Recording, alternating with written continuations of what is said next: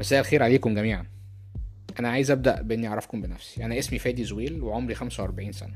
آه والله 45 سنة مش عارف عدوا إزاي بس هم عدوا. حياتي لغاية 3 سنين فاتت كانت غير اعتيادية لدرجة إني أصبحت مدمن أدرينالين. يعني ما ينفعش أقعد في بيتنا كده أتفرج على التلفزيون بعد الشغل وبعديها أدخل أنام.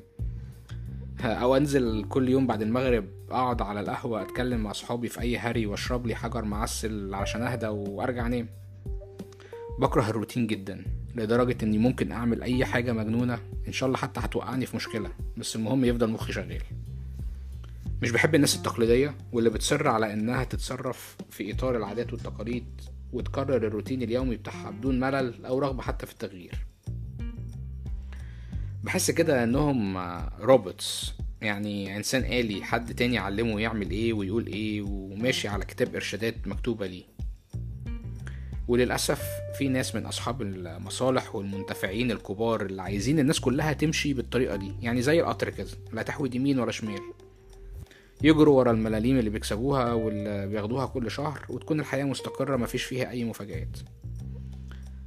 وطبعا العذر الأساسي هو أنا فاتح بيت ولازم العيال تاكل. الشخص ده مش قادر حتى يفهم إن العيال هتاكل بيه أو من غيره بس هو واخدهم عذر علشان مش عايز يخاطر ويجرب حاجة جديدة تطلعه من ال comfort zone.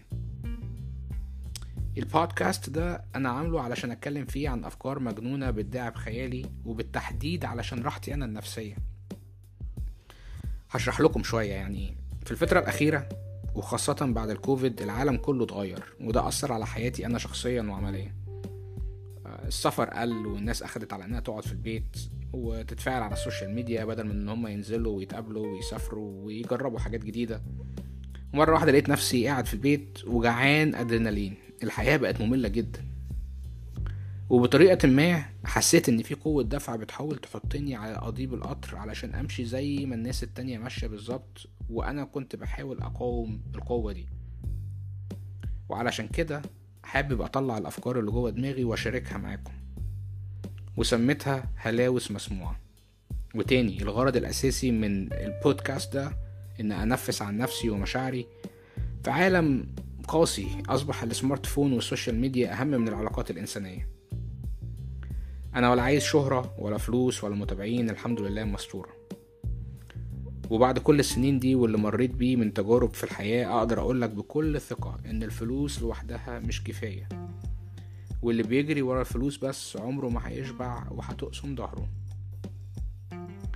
هتكلم في كل حلقة على موضوع وحرب بين الماضي والحاضر وإيه اللي ممكن يحصل في المستقبل.